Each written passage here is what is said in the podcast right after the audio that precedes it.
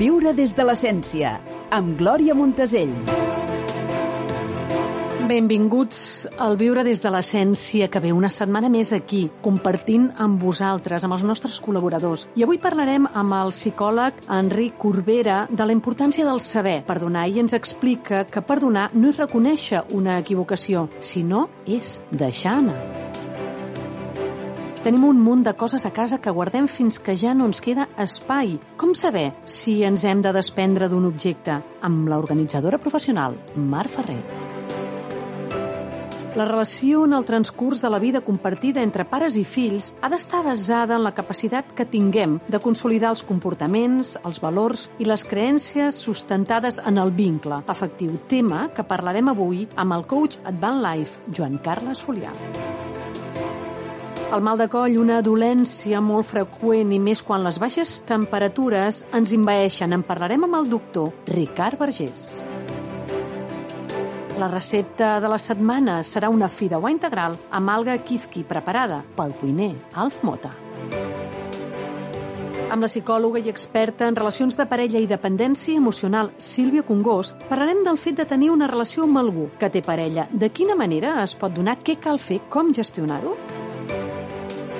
Amb el psiconeuroimmunòleg Xevi Verdaguer parlarem dels gasos intestinals l'importància de mirar les fentes. L'arquitecte i geobiòleg Pere León ens explicarà els punts importants a tenir en compte abans d'anar a dormir per poder descansar millor. Si us sembla, doncs, obrim micròfons.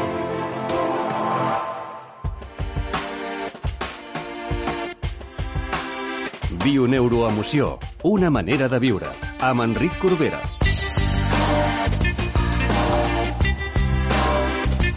Enric Corbera, molt bones. Hola. Estem aquí una setmana més. Eh, ja anem per la càpsula número 12. Sí. La propera setmana és la darrera. Vinga. Avui parlarem del saber perdonar. Sí. Això tan important i que a vegades ens pesa i que realment Sembla, sembla, sembla, sembla com un sacrifici, no? Sí, però és tan important perquè allibera tant Sí, saber. és que a sobre que m'han fet mal tinc que perdonar, no? Eh? Home, no hi ha dret, no? No hi ha dret. I després lo bé que et quedes. És que et quedes. Uh, mira, el, el perdó també l'hem d'entendre, eh? O sigui, eh, tot aquests, aquestes, aquest programa que hem anat seguint, no? Clar, ara jo penso que els nostres oients ja, ja quasi que jo els expliqui el que és perdonar, quasi, quasi que no, fa, quasi que no faria ni falta, no? Perquè, perquè eh, és, és una que, que, que surt sol. Mm -hmm. Quan tu comences a comprendre els altres, quan tu saps que portes una informació, que tu saps que t'estàs complementant, que tu pots, eh, pots sempre escollir com pots viure l'experiència, des de la culpabilitat o victimisme o des de l'aprenentatge. Important, Això, escollir. Escollir. Sempre pots escollir. Eh? De fet, això ho diu un curs de milagros. Diu, tu tens només un poder, que és el poder d'elegir. No? O sigui, tu pots escollir com viure la situació. Tu la situació no la pots canviar. Ni, ni, ni, que, ni que tinguessis el poder de canviar-la, no la canviaries perquè, en definitiva, el teu inconscient sap el que és millor per tu. Vius una experiència que pot, no et pot agradar gens, eh? però el món eh, necessita el perdó perquè hi ha una gran culpabilitat inconscient que és abrumadora. Ens han ensenyat a ser, a ser culpables, a culpabilitzar-nos. És una que està tan après, ens té tan atrapat, que, que el perdó és una que, que, que, que és super necessari. Aleshores, beneïm cada situació en la que tinguem que perdonar. Jo, gràcies a qui sigui, he viscut unes experiències pues, mm, molt doloroses, com, com deia Buda, diu, el dolor el tindràs, el, el patiment és, eh, és una... ho, ho escolleixes tu, no? I la veritat és que aplicant el perdó, que és el perdó de, un curs diu de l'Esprit Sant, que és, que és el que t'estic explicant, és la comprensió de que jo no estic aquí fent un sacrifici ni algú bo i ja perdono perquè jo sóc bo i tu ets dolent i l'ego es perdona però no oblida mai eh? i és més, sempre et recorda ve- ve- velles ferides eh? ben el que va fer aquest Ve a la porta, sí, eh? mira, mira, mira, no, no el perdó és tu vius una experiència aquesta experiència la fas per transcendir mm. i al final te'n dones compte que no tens res que perdonar i que si algú tens que perdonar Només faltaria, no? Sí, Ja. si algú tens que perdonar és a tu. De fet, el perdó el perdó que realment cura, entre cometes cura, òbviament, eh, vull que quedi molt clar això, cura, eh, primer el que cura és la ment, de fet, eh, el que es té que curar, el que es té que sanar és la ment, i després ja curarem el cos, eh, amb, amb els mitjans que siguin, això sempre té que quedar molt clar, són vehicles, no? O sigui, el primer que tenim que sanar és la nostra ment, que és el treball que hem fet durant totes aquestes càpsules que hem estat veient, no? Mm. Eh, quan tu realment eh, comprens, al final et perdones a tu per haver, eh, per haver tindre que viure aquesta experiència tan dolorosa. Perquè no t'està passant res que no et tingui que passar. I no t'està passant res que tu prèviament no hagis fet un judici. Això són paraules sagrades per dir per molts mestres. Cuida els teus pensaments, cuida els teus sentiments, perquè estan creant formes. Això ja en parlarem. Eh? Però és així. Aleshores, quan realment te'n dones compte de que tu estàs repetint una experiència perquè tu estàs creant aquella experiència, aquí tens que perdonar a l'altre o a tu. A tu. I et perdones a tu. Perquè tu ets el que realment eh, has, creat. has creat aquesta situació. Òbviament, a l'altre també tindrà la seva ressonància, això no ningú, ningú t'està dient que no, no? però que això també ja tindrà que anar ell. Però clar, si tu perdones la situació, des de la consciència de la unitat, no solament perdones a tu, sinó que també perdones a tot el que està involucrat en aquella experiència. No, no ens oblidem mai unes frases que fa servir un curs de milagros, ja saps que ha sigut el meu gran inspirador mm. tota la vida, que diu, eh, mai oblidis que eh, tot aquell que està en, en una situació està fent el paper que li correspon. O sigui, mm, atenció, eh? Aleshores, eh, i no t'oblidis mai que cada, cada trobada que tinguis amb el teu germà pot ser una trobada santa. Eh? O sigui, tu decideixes. En cada moment podem decidir, podem escollir com podem viure aquella situació. I, i, la, i moltes vegades la millor acció és la que no, no ens han ensenyat a fer, no? a saber dir que no, a saber dir prou, a saber acabar amb una relació, però sense el victimisme ni la culpabilitat. Aleshores, tu beneeixes el teu germà la persona que ha viscut, perquè t'ha fet prendre consciència allò és que tu tenies que perdonar-te a tu. Que tenies dins teu. Exacte. Per això és en el món dual, quan apliques la consciència a la unitat i quan apliquem tot el que hem estat explicant durant totes aquestes setmanes i les posem en pràctica, perquè en definitiva això és, o es posa en pràctica o es posa en pràctica, o sigui, no hi ha volta de fulla, o sigui, o sí o, o sí, sí, o, sí. o tu apliques o no hi ha manera. El no, que, perquè et torna a venir. Eh, que tornava a venir. És, eh, Lao Tse deia que tots tenim un sendero, no? Mm. Que només el tens que fer tu, no? Exacte. Aleshores, mm, és el teu camí, però que tu el vas sanant, no? Aleshores, el perdó és molt alliberador. De fet, eh, el curs de Milagros ens diu que el perdó, eh, diu, el, diu el tiempo està a la espera del perdó, no? I per això es diu que jo t'ahorraré mil anys, que és una forma metafòrica de dir-te que en la mida que tu vagis perdonant-te, estaràs alliberant culpa inconscient de l'inconscient col·lectiu. Atenció, estàs, o sigui, estaràs fent el més sant que puguis fer en aquest món, que és el perdó.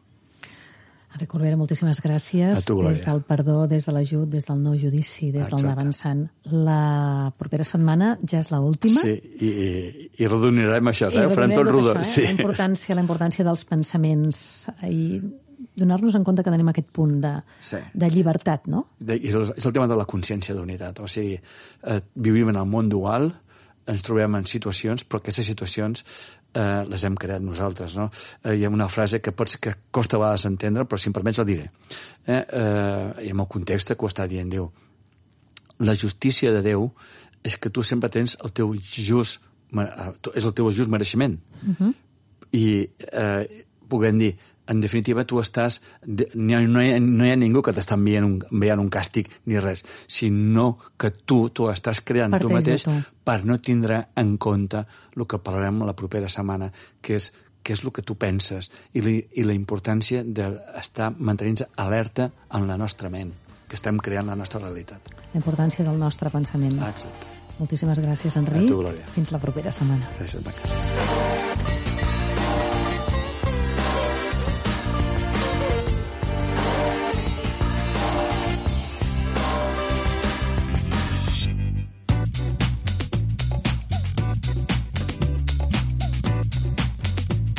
Posem-hi ordre, amb Marc Ferrer.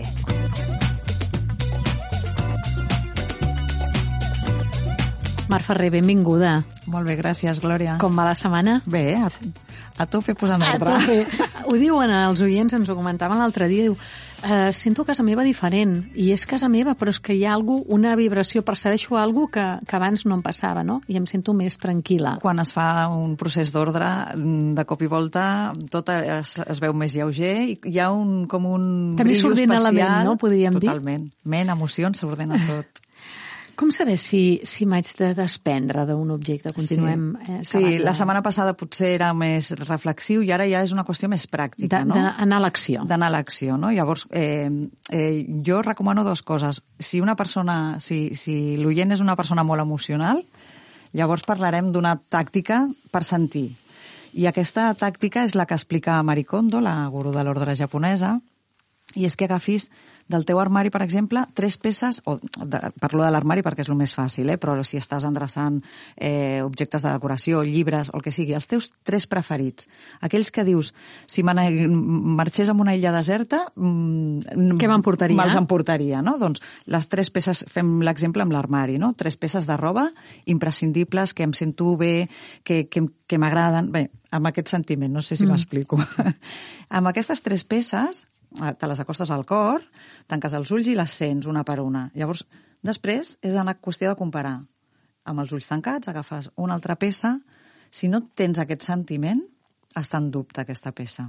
Val? I aquesta peça acaba sent, si és un dubte, eh, acaba sent que no. Hi ha, inclús un probablement hi ha rebuig, tras- eh? Exacte, hi ha un trasfons, no? Exacte, llavors aquí ja podríem anar a veure doncs, si mm, hi ha peces que estan vinculades amb una història en concreta de la teva, amb un moment concret de la vida, el que sigui, no? Aquí ja cadascú que analitzi el, el, el per què. Què hi ha al darrere de l'ordre? eh? És Més impressionant. enllà de l'ordre, més enllà. Per les persones que són més mentals i que necessiten racionalitzar més la, a, aquest aspecte, hi ha un, un tema mm, que m'he oblidat abans de, de comentar amb aquesta frase que hem, que hem dit al principi del programa. Les dues preguntes són m'agrada i ho faig servir. Aquestes serien les bàsiques, no? Llavors, si a tu una, una peça de, roba o un objecte t'agrada i ho fas servir, això hauria de ser l'ideal, no?, del 100% de les coses, però no sempre eh, succeeix així. La segona opció seria m'agrada i no ho faig servir. Bé, si t'agrada molt i no ho faig servir, llavors hauríem de trobar alguna manera de aprofitar-ho és contemplant-lo. Uh -huh. Per exemple, em va passar amb una clienta doncs, que tenia unes sabates de leopard o no sé què, que ja no es posava però que li encantaven. Llavors, el seu armari te- tenia, estava fet d'una manera que vam poder posar-lo allà com a objecte decoratiu. Cada vegada que obria el seu armari veia aquella sabata que estava decorant. Val? I li abocava probablement una emoció I de benestar. clar. aquesta. Vull dir, està molt bé. Vull dir, no es tracta aquí de, de, de que tot es compleixin aquestes dos, però sí que tot t'agradi. Després tenim la tercera part, que és mm, no m'agrada, però ho utilitzo. Llavors aquí ens hem de reconciliar amb, aquesta, amb aquest objecte, és dir, un ganivet doncs és molt probable que no t'agradi, no? no tens aquesta sensació doncs, amb aquell llibre preferit, no? però el fas servir. No? Llavors, o et reconcilies sent conscient de quina feina, de, de què, en què t'està ajudant, no? doncs eh, l'alimentació és molt important per la meva família, és dir, més enllà, buscar quina és la funció i si realment no t'agrada perquè aquell ganivet no funciona bé i ja estàs farta però no has pres consciència de que l'has de canviar, doncs canviem-lo, no? amb una mica de consciència. I després ja ve la tercera part. No, no m'agrada i no ho faig servir. I aquí està el gran, la gran problemàtica, no?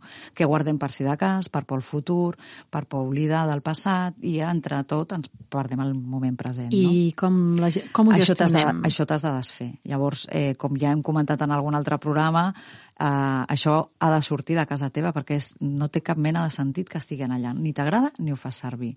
I hi ha una pregunta que jo podria afegir a les dues preguntes inicials, que és, fem una reflexió sobre, al final, qui, quan jo hi falti, quan jo no hi sigui, qui, qui, qui li donarà valor a, aquestes, a, aquesta, a aquest objecte. No? I llavors te'n dones compte de que moltes de les coses que hi ha a casa teva realment l'únic que li dona valor ets tu. No? I guardem, a vegades m'ha passat de trobar no, aquesta faldilla li guardo a la meva neboda per quan tingui 12 anys, que ara té dos. I era meva de quan jo tenia 12. I dius, però és que potser aquella nena no ho voldrà. Mm, vull dir, preguntem-li amb ella, no? Llavors, cal guardar 10-12 anys allò? Aquelles càrregues, no? Molt. Carrega molt, sí. Algun realment. altre punt que vulguem matisar més per acabar de fer aquest, aquest viatge per l'ordre de casa nostra? Bueno, jo crec que, que en el fons, al final, està en preguntar-te i ser sincers amb la resposta, perquè al final No, no autoenganyar-nos. Exacte, perquè és molt freqüent i molt humà, eh, per altra mm. banda, però al final també entre aquesta pregunta, una altra que també és molt eficient, al final és i què és el pitjor que em pot passar si no tinc això? I si no ho guardo? Doncs Marc Ferrer, Penso que moltíssimes aquí- gràcies. Amb aquesta, amb aquesta pregunta acabem Final. el programa d'avui. La propera setmana... Vull ja... parlar de tema d'ordre i, i emocions, perquè eh, mirar una miqueta com, com es mouen i remouen aquestes emocions i com poder, com poder acompanyar-nos amb un tema d'olis essencials. Que és un Mentre tema... fem, mentre fem aquest procés de, de canvi d'ordre, no? Acompanyar-ho amb olis essencials Sí, és, és, és molt, memorial. molt interessant. Són realment sorprenents les, Molt les propietats. fascinants. És el darrer programa ja, la sí, propera. Sí, sí, sí. Doncs què dir-te que, que tinguis molt bona setmana. T'esperem amb els braços oberts perquè acabar eh, les càpsules de la Mar Ferrer d'Orden Teràpia amb olis essencials penso que ja és la cirereta del pastís. Exacte, molt bé. Ens veiem la setmana vinent. Fins la setmana vinent, Mar. Gràcies. Gràcies.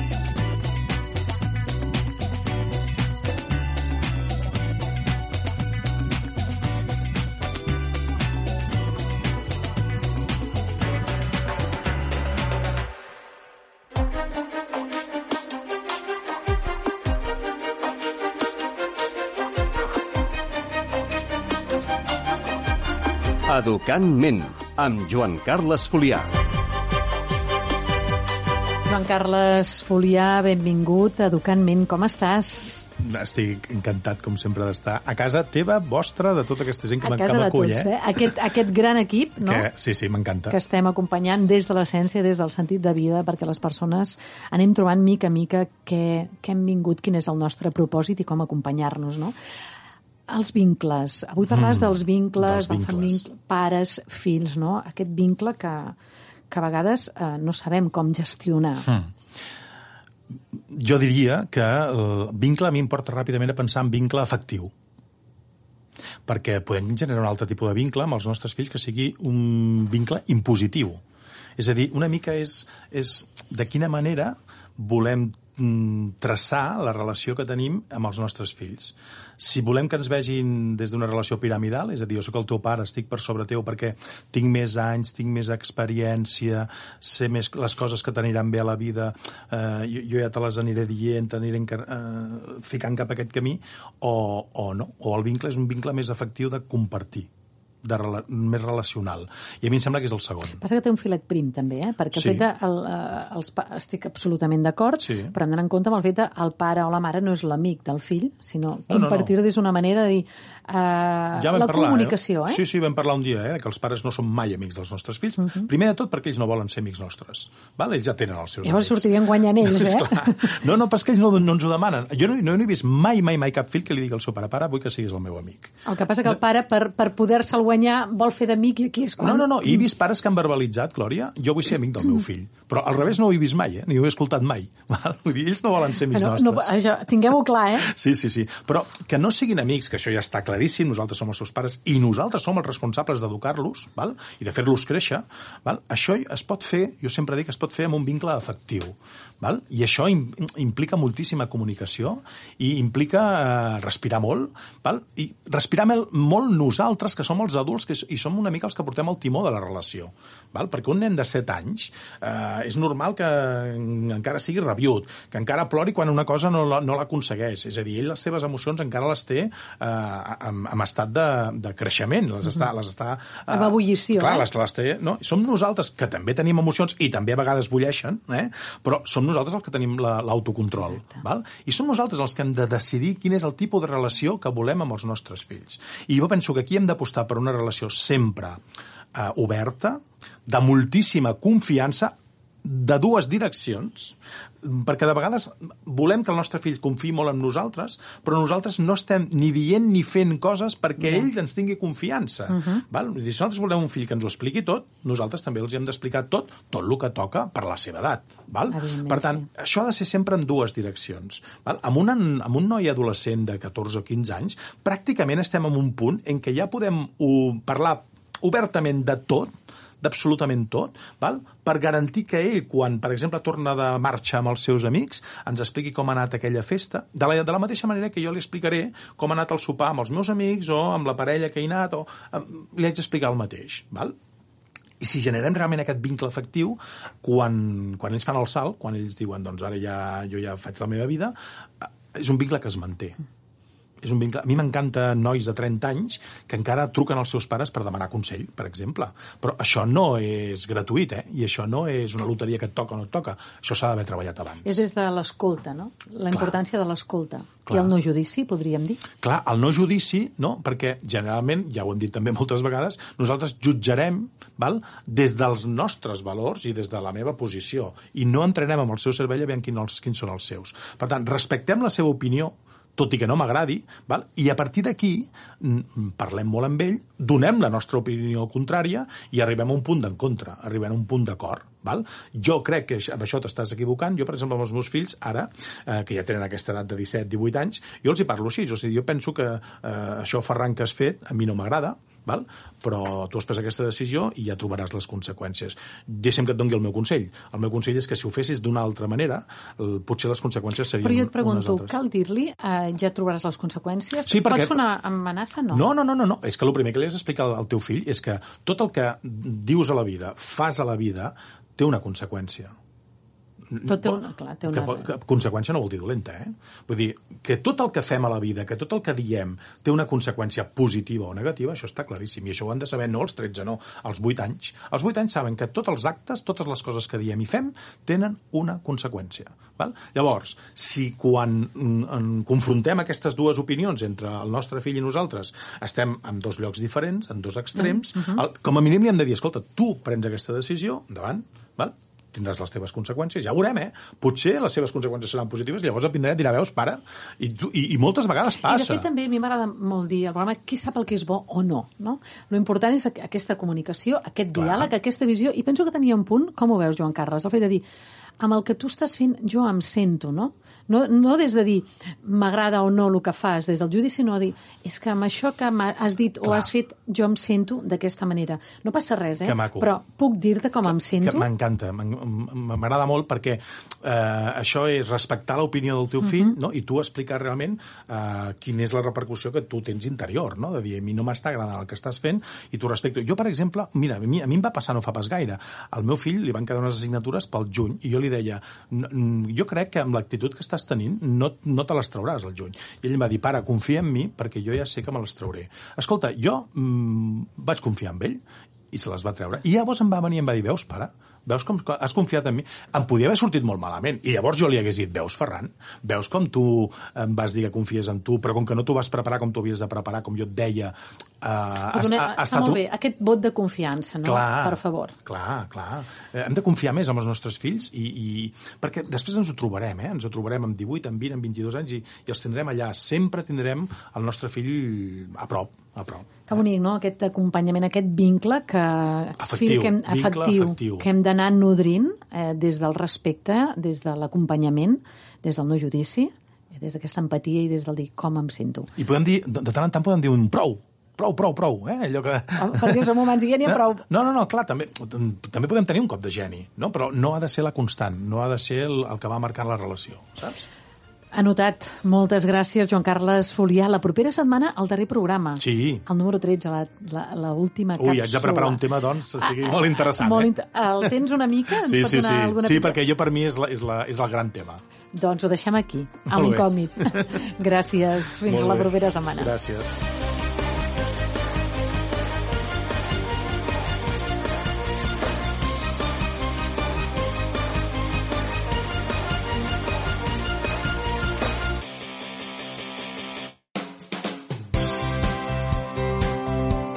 Sóc Sara Carmona, docent, coach esportiu i part de l'equip de Segur Viacti. Compartirem amb tu els consells de salut dels nostres professionals. Avui parlarem del mal de coll. Doctor Ricard Vergés, parlem avui del mal de coll. Vostè diu que el dolor no és una malaltia, sinó un símptoma.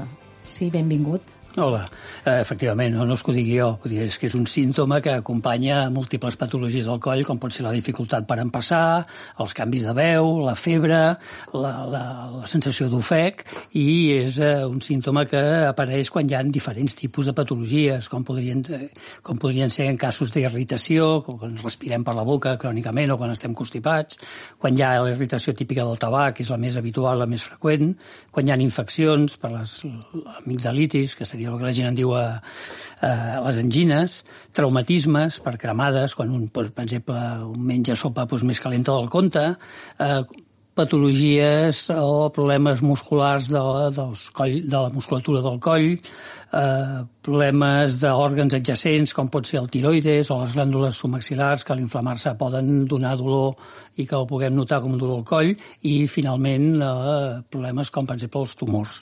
Com, com cuidar-nos, doctor? Com podem cuidar aquest coll no, del, que, del que necessitem tant?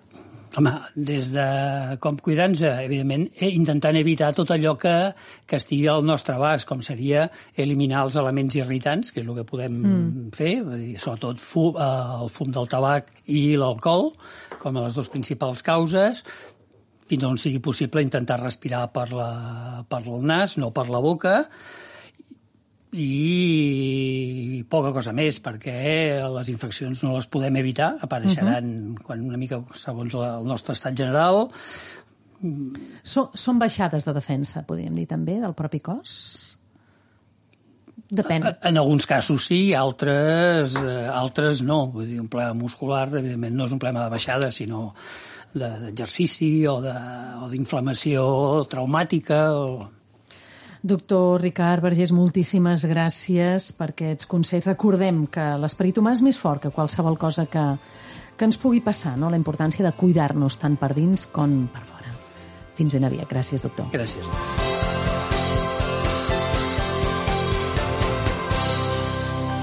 A Segur Viactiv.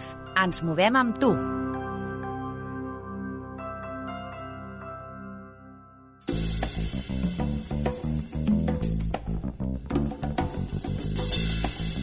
Cuinem sanament, amb Alf Mota.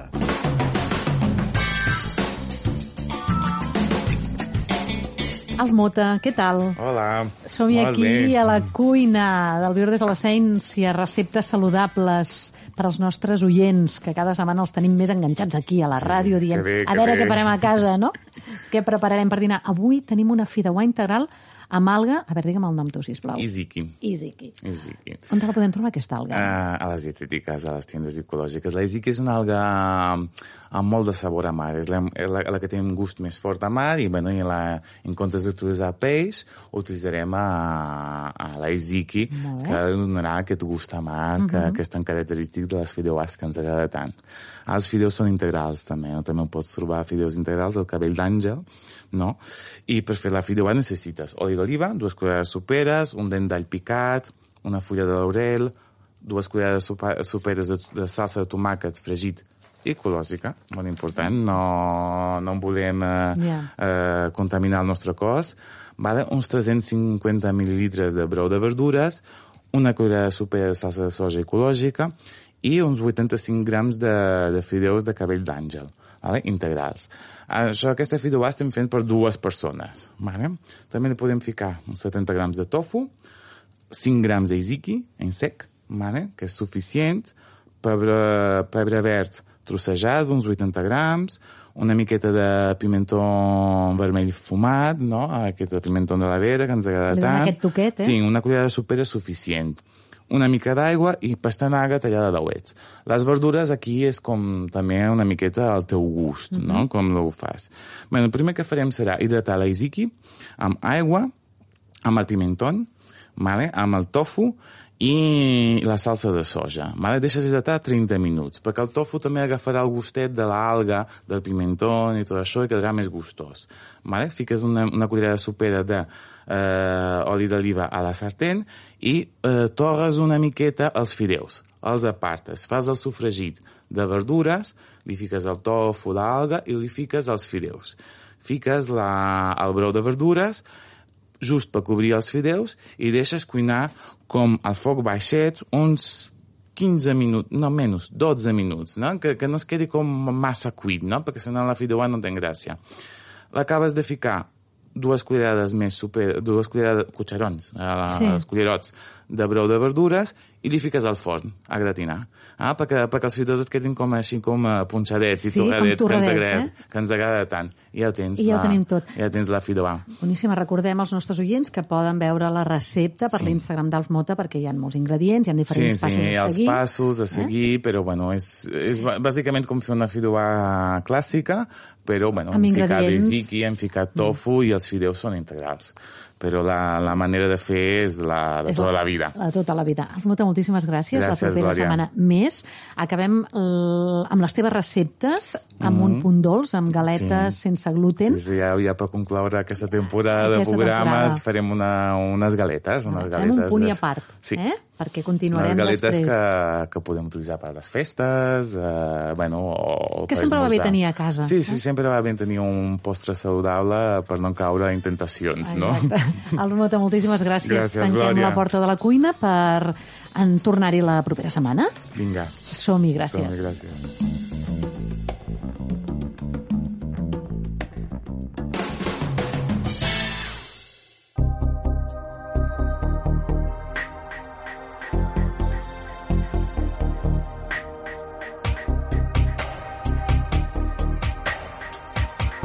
Relacions de parella amb Sílvia Congost.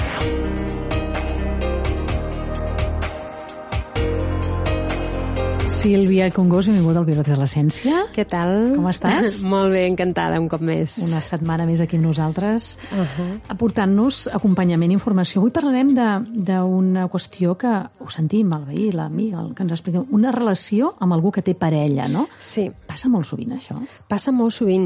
Si ho, si ho pensem, fixa't que nosaltres no elegim de qui ens enamorem. Normalment ens acabem enamorant d'aquelles persones que tenim a prop, no? que, que ha, amb les que hi ha més proximitat, ja sigui a la feina o en algun curs que estiguem fent alguna cosa, un veí...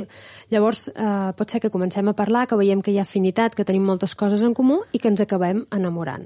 Eh, clar, Després resulta que tu pot ser que descobreixis que aquesta persona té parella, i això evidentment és un hàndicap. Però en funció de, de quina sigui la postura d'aquesta persona, pot ser que aturem la relació de seguida o pot ser que eh, hi seguim entrant, mm? ja d'una manera conscient, perquè, clar, pot ser que tingui parella, pot ser que sigui una persona que està casada o que no ho estigui, pot ser que tingui fills, pot ser que ja tingui tot un projecte construït, però en quina situació ens trobem? Normalment ens trobem amb, amb dues postures. Pot ser que aquesta persona et digui que no està bé a la seva relació de parella, que t'ha conegut a tu, que s'ha enamorat totalment i que és amb tu amb qui vol estar i que vol deixar la seva parella. O pot ser que et digui, ja d'entrada, que no té cap intenció de deixar la parella, que ho sàpigues, que, que li agrades molt, que vol viure això amb tu, però que, que et vol tenir en la seva vida, però que la parella no la deixarà, ja perquè ho sàpigues d'entrada. Clar, mm, imagina't que tu ets una persona doncs, que estàs lliure, que, que no tens cap vincle amb ningú i dius, bueno, doncs m'he enamorat, eh, en el primer dels casos, ens diu que vol deixar la seva parella. Penses, bueno, això li pot passar a tothom, porta un temps ja que estan malament, m'explica que ja no tenen relacions sexuals, que discuteixen molt, que no tenen res en comú, i llavors, però pot ser també que hi hagin fills i que això li influeixi a aquesta persona. Uh, pot ser que aquesta persona et digui, bueno, ara sí, vull deixar-la, però espera't ara que arribem a final de curs, perquè clar, els nens si no tindran exàmens i no els hi vull donar un d'alta baix. Després resulta que vens, vas a final de curs i et diu, uh, bueno, clar, és que ara venen les vacances, ja teníem un viatge planificat tots quatre, clar, espera't, o sigui, et va veient a tu, però es manté allà. Llavors, bueno, és clar, és que ara la meva parella s'acaba de quedar sense feina, està a l'atur, clar, no li puc fer això, o és que ara li han detectat un, ha sortit un bulto de no sé què i no, li, no la puc deixar van posant excuses i va passant el temps. Llavors, eh, jo he vist persones que tenen relació amb algú que té parella i que porten més de 10 anys, per exemple, esperant que deixin aquella relació per poder viure l'amor que se suposa que ells dos senten. No? I, I eh, són situacions que, que són molt freqüents i que ens destrueixen moltíssim. Absolutament tòxiques. To molt, molt i molt tòxiques. Llavors, què s'ha de fer? Quan et diuen que deixaran la seva parella perquè és amb tu amb qui volen estar, ja que us heu enamorat i ja que sembla que us porteu molt bé i que tot funciona i tot és maco, s'han de donar uns pocs mesos de marge. Tres mesos, jo diria, màxim. Uh -huh. Si veus que aquella persona va posant excuses i no dona el pas, perquè de vegades poden ser els fills, pot ser la de la parella, pot ser la feina, eh, hauríem de ser forts i enfrontar-nos-hi i dir Quan donis el pas, m'avises. Però fins que això no passi, me'n vaig no? Eh, em, em distancio de tu perquè jo vull continuar amb la meva vida. Si vens i jo encara estic, eh, sento alguna cosa per tu i estic disposat o disposada, doncs ho reprenem i ja està. Però si no, no puc quedar-me aquí, perquè clar, aquesta persona s'està tancant a la possibilitat de conèixer altra gent, de fer altres coses, perquè sempre està pendent de quan pot quedar o no amb aquesta persona de qui s'ha enamorat. La importància de tenir una autoestima cuidada. Totalment. És la que ens ajudarà a posar aquests límits i a preservar la nostra dignitat. I després tenim l'altre pas, l'altre cas que et comentava, que és quan aquesta persona ens diu que no la deixarà a la parella, què passa? Tendim a autoenganyar-nos, a pensar Sí, em diu que no la deixarà, però això que estem visquent nosaltres, lo bé que funcionem a nivell sexual o amb tot, amb tot el que compartim, amb el que riem, amb el que ens agraden les mateixes coses, i amb la seva dona, amb el seu home, no ho té, segur que al final li pesa més això i acabarà venint cap aquí. Llavors, mantenim, tenim sempre una esperança de fons que ens manté allà i que fa que, tot i que al principi ja m'ho va dir, que no volia deixar-la, però jo em quedo enganxat o enganxada en aquesta història i pateixo molt, clar, perquè veig que voldria compartir més coses de les que puc compartir, que voldria poder passejar-nos per la ciutat junts, voldria poder fer vida normal i no puc, ho hem de viure sempre d'amagat. Llavors, és una, evidentment, és una destrucció molt gran per la persona que ho està patint i, i això no ens deixa, al final, acabar construint una relació sana, que és el que sempre voldríem. O sigui, ens acabem confirmant amb una relació que no té res a veure amb el que nosaltres teníem previst o, o desitjàvem, no? amb el que nosaltres entenem com una relació sana. Per tant, són relacions que o als tres mesos hi ha hagut un canvi o les hauríem de tallar les hauríem, hauríem de posar el punt final, no? Exacte. Davant és, és probable que aquesta persona que, està, que té parella i no està bé no ens deixi tallar-ho. És a dir, insisteixi. No, no, no, sisplau, no t'allunyis, ens vingui a insistir, ens vingui al darrere. Però fer contacte zero és molt important perquè nosaltres puguem seguir, assumir que no, que allò no és, i seguim la nostra vida. Igual algun oient s'està preguntant com puc fer aquest contacte zero si mm -hmm. realment m'estimo molt aquesta persona, mm -hmm. per exemple. Sí, com que és un tema que, que és molt important i ens pregunta pregunta també molta gent. Aquest és el tema que tractarem la setmana que ve, uh -huh. o Mhm. sigui que els oients poden estar atents perquè els hi donarem la resposta. La propera setmana, que és la darrera, tancarem eh, el, el, aquest viatge. Exacte, Aquest amb el viatge. contacte zero. Doncs Sílvia Congost, estarem eh, esperant amb candeletes, que es diu, el, el proper programa, Mhm. per així poder acabar de fer aquest viatge, aquest viatge al món de la parella, Mm. que hem après moltíssim, estem aprenent molt, estem col·locant coses a lloc, coses a lloc en el nostre Sí. cervell i al nostre cor. Moltíssimes gràcies. Gràcies, doncs. Sílvia.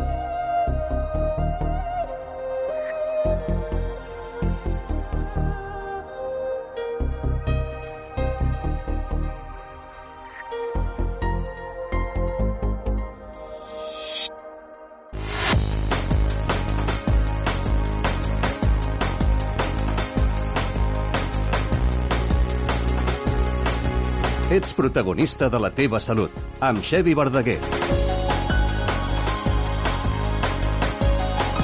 Xevi Verdaguer, benvingut al Viure, com estàs? Molt bé, molt agraït de tornar a estar aquí. Eh? I nosaltres de tenir-te aquí a, a casa teva, a casa nostra, no? a casa de tots els oients.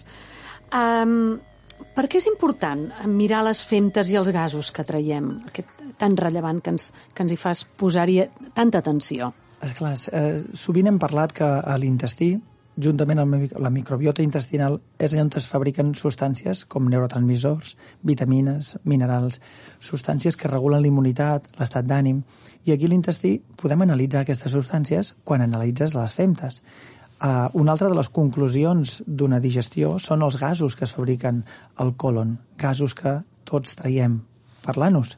És a dir, hi ha gent que fa pets sense pudor, altres que fan pets pudents. Lo normal seria que després de menjar aliments rics en fibra facis pets sense pudor i després de menjar aliments rics en proteïnes facis pets amb mala olor.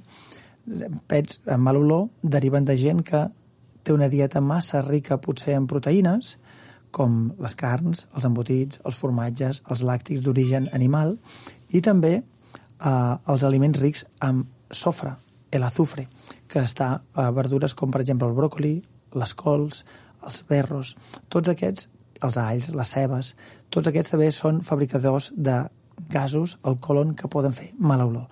Així, nosaltres, quan estarem uns pets, m'interessa moltíssim a les persones dir-los ostres, els gasos que no fan pudor per tenir una dieta rica en fibra, és a dir, eh, vegetals, fruites, verdures, o dietes riques en proteïnes, en pets potents, són gasos que ara mateix s'estan estudiant perquè s'ha vist que tenen una funció vital com a gasotransmissors. És a dir, gasos que actuen com nosaltres tenim neurotransmissors, doncs tenim a l'intestí gasos que actuen com a El senyals... segon cervell, eh? Exactament, i ara amb els gasos s'està veient la importància. Així s'està veient que el sulfur d'hidrogen, pels pets pudents, si només en fessis d'aquests, és un gas que és un important vasodilatador, és a dir, ajuda a baixar la pressió arterial.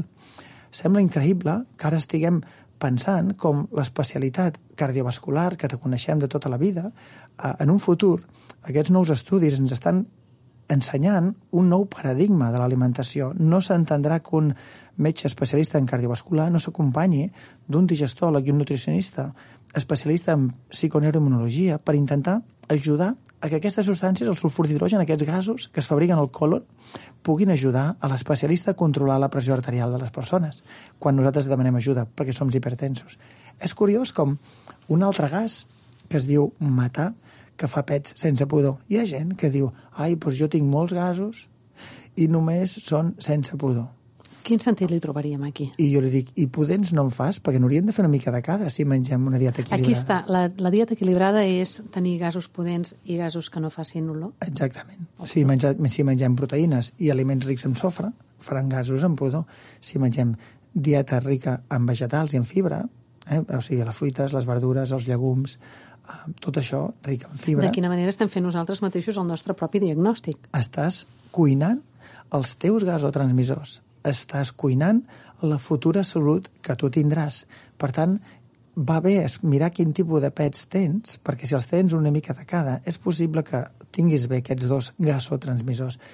Però hi ha gent que diu, ostres, doncs jo només tinc gasos sense pudor Mhm. de matar. I aquests gasos tenen una característica molt important. La gent que te fa excés de matar, les caques els hi solen flotar. I a més a més els pets són sense pudor. Les caques que floten, um, o gent que té restrenyiment, i si va de ventre li floten, acaba de descobrir que aquest excés de gasos i d'inflor que té pot ser que sigui per culpa del matar un gas que fa que tinguis menys serotonina de lo normal. El matar és un gasotransmissor, fa que tinguis menys serotonina. I què vol dir això?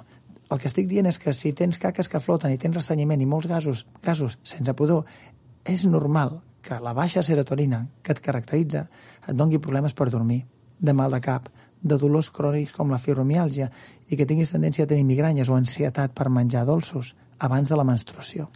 I això no és normal. Hauríem de reduir um, el matar en aquestes persones. És a dir, Com podem reduir el són matar? gent que diu, ostres, doncs jo menjo molta fibra i segueixo tinguent restrenyiment. És que si fabriques massa matar, com més fibra mengis, més restrenyiment tindràs. Perso- I s'ha d'individualitzar cada cas. Amb una analítica de FEMTA podríem confirmar tot això. Però són persones que prenen fibra, prenen molta fruita i prenen moltes amanides i diuen, jo estic inflat, com més fibra menjo, més inflat estic i no vaig bé de ventre, al contrari, tinc restrenyiment. Hem de reduir el consum de fibra, hem de reduir les bactèries que fabriquen matar, que sobretot són unes, les diuen arquees. Aquestes necessitem d'antibiòtics naturals o On químics. te les podem trobar? En Els antibiòtics aliments? naturals els trobem amb la, sobretot amb un, una planta que es diu barberina, per un costat, l'orenga i el clau, el clavo. Llavors, els olis essencials d'orenga i de clau i la barberina són plantes antibiòtiques naturals supereficaces per reduir les bactèries que fabriquen matar quan tu menges fibra. Per tant, hem de reduir el consum de fibra, prendre aquests suplements per intentar-los reduir i a poc a poc introduir la fibra després. Les femtes han d'anar sortint poc a poc cada dia. Xavi Verdaguer, què dir-te que moltíssimes gràcies, que la teva informació és una benedicció per nosaltres, perquè cada dia anem aprenent més al teu costat tota la informació que podem trobar al teu llibre Transforma la teva salut. Sí, és un plaer poder-ho compartir amb tantíssima gent i amb el llibre doncs, concretem amb dietes i amb posant fàcil el que a vegades explicant-ho sona com Sembla difícil complicat, no? d'executar-ho a casa sol, tot solet, no? Moltes gràcies, Xavi. Un petonàs, gràcies.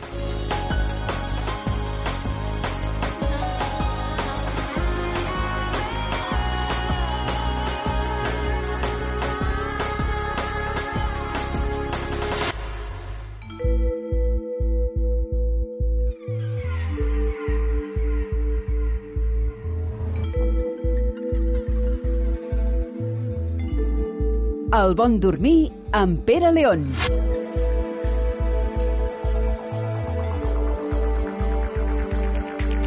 Pere León, molt bones. Molt bones, què tal, com esteu? Molt bé, aquí una setmana més. Una setmana més. Avui amb el famós decàleg, Decàleg, que, hem, que hem anat parlant i que esperàvem. I que recomano que es comprin el llibre, El buen dormir, perquè allà està, està escrit tot molt fil ben, per randa. Sí. Decàleg per dormir millor, Pere. Mira, són 10 normes que haurien de que fa consciència de tots i començarien, doncs, per exemple, el més, un dels més bàsics seria no col·locar radiodespertadors ni telèfons inalàmbrics o mòbils a la toaleta de nit, i molt menys si estan endollats a la corrent. Val? Si tens un radiodespertador, canvia'l per un despertador de piles. Si utilitzes el mòbil com a despertador, posa la modo avió. Per això ja vaig dir una, Va una ocasió sí. que, i millor I fora... lluny de l'habitació. Lluny de l'habitació. val? El, la segona norma, que això també n'hem parlat, desconnectar el wifi per la nit. Els routers generen, generen microones. I aquí amb això ja ho deixo dir tot. La tercera seria desendollar tots els aparells elèctrics que tinguem al dormitori. A vegades podem tenir una estufa en allà endollada i ens pensem que pel fet de que no està encesa no genera camp elèctric, doncs pot generar camp elèctric d'estar endollat, eh? perquè si no hi ha presa de terra t'està generant i t'està contaminant. Val? Encara que no sigui endollat, els cables segueixen creant camps magnètics i et poden alterar el teu descans. En un episodi anterior vam parlar de col·locar el que seria un bioswitch, que és un desconnectador de fase. Qui vulgui entendre més, doncs que també em pot arribar a trucar. Puc dir a la meva web, no? I tant, sí. peraleon.com. A peraleon.com podem trobar Poden- moltíssima més I a més a més hi informació. ha vídeos, vull dir que es, es poden trobar. La quarta seria evitar que la capçalera del llit estigui paret en paret amb quartos de neteja, cuines, na, allà, tot allà on hi ha una nevera, el microones o qualsevol altre electrodomèstic. Això també m'ha passat. En un dormitori, pues, si pots triar al costat, no el posis a la banda que hi hagi. O també vam parlar una vegada que si hi ha el teu veí del darrere no saps què hi ha i resulta que al darrere allà hi ha una, hi ha una cuina. Llavors necessites un, la mà d'un professional que t'ho analitzi. Val? Val, les parets, al ser de, de, de totxo, de maó, no, no, no frenen el camp elèctric. El camp elèctric es propaga per tot arreu. Cinquena, mantenir fora del dormitori tots els gadgets. Ordinadors, els portàtils, eh? Les tablets, els mòbils, les videoconsoles... I si utilitzes el mòbil previst abans del somni, ho has de fer-ho amb una hi ha una marca de mòbils, no sé si la podem dir per la ràdio, que té una, una propietat que es diu Night Shift, Swift, que vol dir que la, pots controlar que la pantalla sigui més ataronjada. Mm. Amb la qual estem enganyant la glàndula pineal. És un truquet. És un truquet. Diem, Sí. Va, diem la marca. Eh, Apple. Els Apple tenen aquesta, aquesta funció que tu pots corregir la, la pantalla i a més pots programar l'hora a partir de la qual vols que la llum sigui retroiluminada, sigui ataronjada, sigui Mhm. més, més... Tot per als nostres oients. Nosaltres estem aquí per acompanyar-los. Som un gran equip. No volem fer propaganda de... No, però estem acompanyant. És una altra història. La sisena seria baixar del tot la persiana i no deixar que entri cap tipus de llum. Per exemple, també em trobo que gent acostumada a dormir amb la finestra aixecada, ara eh, quan ha sigut l'estiu, eh, doncs dorms amb la persiana aixecada. Doncs dorms pitjor, a part de la calor, perquè també t'entra llum. Val? Ens hem d'acostumar a dormir amb la més absoluta foscor i no serveix a aquells pares que els hi posen un llumet pilot al nen perquè no tingui Perquè no tingui por a la nit. No. És fatal, això. Ara, no, ara crec que no Encara hi que és això, els no? ulls, sí, sí, sí, Encara que tinguis els ulls tancats, la teva glàndula pineal reconeix que hi ha llum. La importància de És el dormir... tercer ojo que en diuen. Mhm. L'ojo que todo lo ve. Sí. Vale? La setena seria, abans d'anar-te'n al llit, caminar descalç, si pots, i t'ho permet, eh, i estar en contacte amb la terra. La terra vol dir, no em serveix el parquet. Clar, hi ha parquets sintètics, però si ho pots fer-ho, doncs és una manera d'eliminar i de connectar amb la terra. Però clar, si estàs a casa no et serveix el parquet, el, el terra. El terra, El terra. El terra, la Sí. rajola. Hi ha qui, per exemple, m'agafen i es posen eh, a, a la, en, el, en el plat de dutxa, et poses una miqueta de sal i et dutxes, i llavors Mm. descarregues.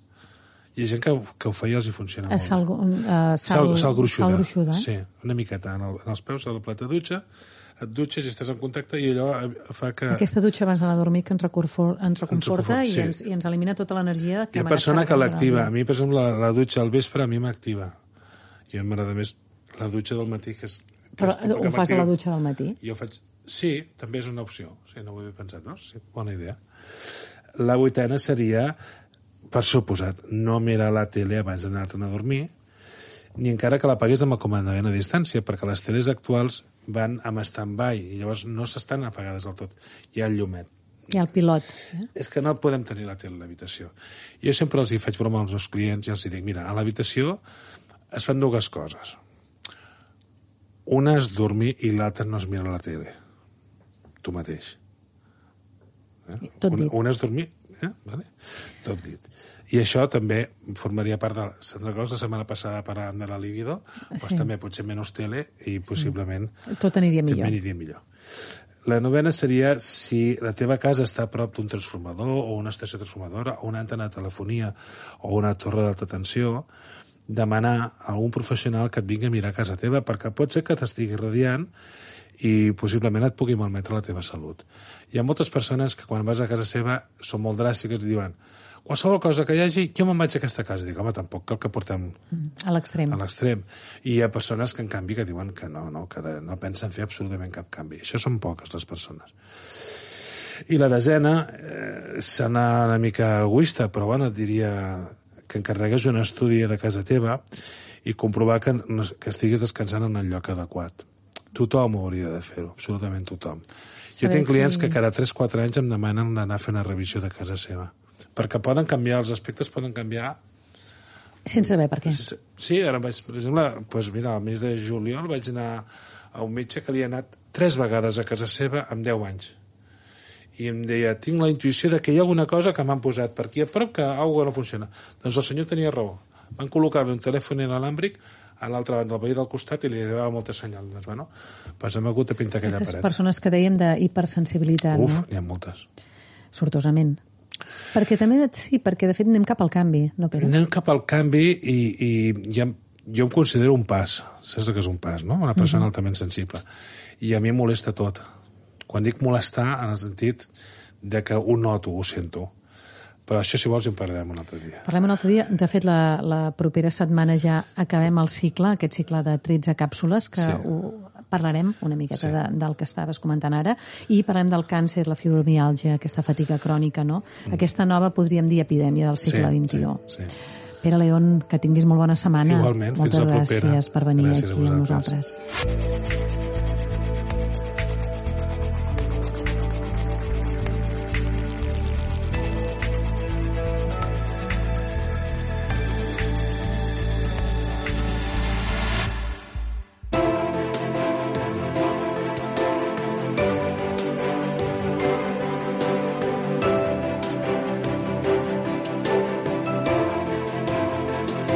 Fins aquí el programa d'avui. Us esperem la propera setmana per seguir descobrint i redescobrint-nos. Gràcies. Qui ens parla? Glòria Montesell. Fins al proper programa.